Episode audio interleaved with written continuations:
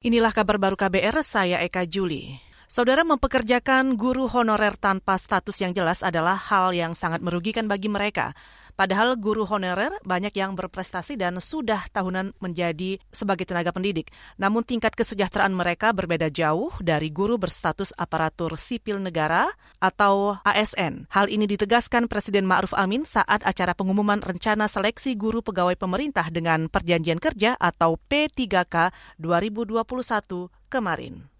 Selain itu, para guru honorer tidak dapat mengikuti berbagai macam kegiatan peningkatan kapasitas seperti pelatihan, kursus, ataupun mengikuti pendidikan untuk jenjang yang lebih tinggi. Sehingga baru sebagian kecil guru honorer yang memiliki sertifikat guru. Padahal seiring dengan berkembangnya zaman, kompetensi guru perlu untuk ditingkatkan. Hambatan-hambatan ini dalam jangka panjang berakibat pada tertinggalnya kualitas para guru honorer. Wakil Presiden Ma'ruf Amin juga mengklaim pemerintah telah mengangkat guru pegawai pemerintah dengan perjanjian kerja atau P3K, meski dengan jumlah sangat terbatas. P3K adalah pegawai pemerintah dengan perjanjian kerja.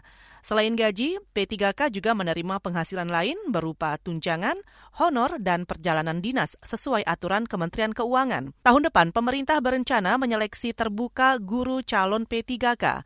Ma'ruf berharap ini menjadi salah satu solusi penyelesaian status guru honorer. Kita ke soal korupsi. Komisi Pemberantasan Korupsi atau KPK tengah menyidik dugaan korupsi di daerah istimewa Yogyakarta. Juru bicara KPK Ali Fikri menjelaskan kasus itu terkait dugaan korupsi pembangunan Stadion Mandala Krida yang bersumber dari APBD tahun anggaran 2016-2017.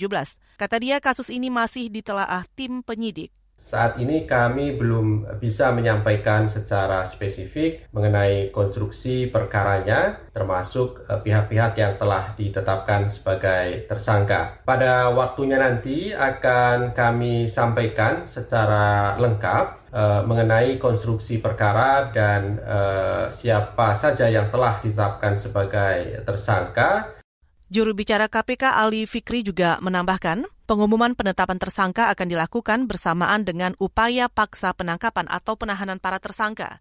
Ia menegaskan akan menyampaikan perkembangan perkara kasus ini kepada publik secara transparan dan akuntabel sesuai amanat Undang-Undang KPK. Kita ke Jawa Tengah. Penularan COVID-19 di Kabupaten Banyumas saat ini sudah tidak terkendali. Karena itu, Bupati Banyumas Ahmad Hussein akan kembali memperketat sejumlah pelonggaran kegiatan yang sudah dilakukan. Kata dia, pada bulan ini sudah ada penambahan kasus positif corona mencapai lebih dari 550 orang. Di bulan yang sama sudah ada 21 orang meninggal akibat virus corona. Status COVID-19 di Banyumas, mohon maaf saya harus sampaikan, sudah tidak terkendali. Kondisinya sudah tidak terkendali. Namun, kami akan tetap berusaha sekuat tenaga, sekeras mungkin untuk dapat mengendalikannya. Sebab satu, tambahan positif per hari rata-rata sekarang adalah 25 orang. Bupati Banyumas Ahmad Hussein juga menjelaskan, Pengetatan dilakukan antara lain dengan menutup tempat wisata dan melarang hajatan. Ia menegaskan Satgas COVID juga akan menindak tegas setiap kerumunan. Razia protokol kesehatan dan jam malam juga akan diberlakukan. Meski begitu, pemerintah setempat tidak melarang warga bekerja, asalkan tetap disiplin menjalankan protokol kesehatan. Saudara demikian kabar baru, saya Eka Juli.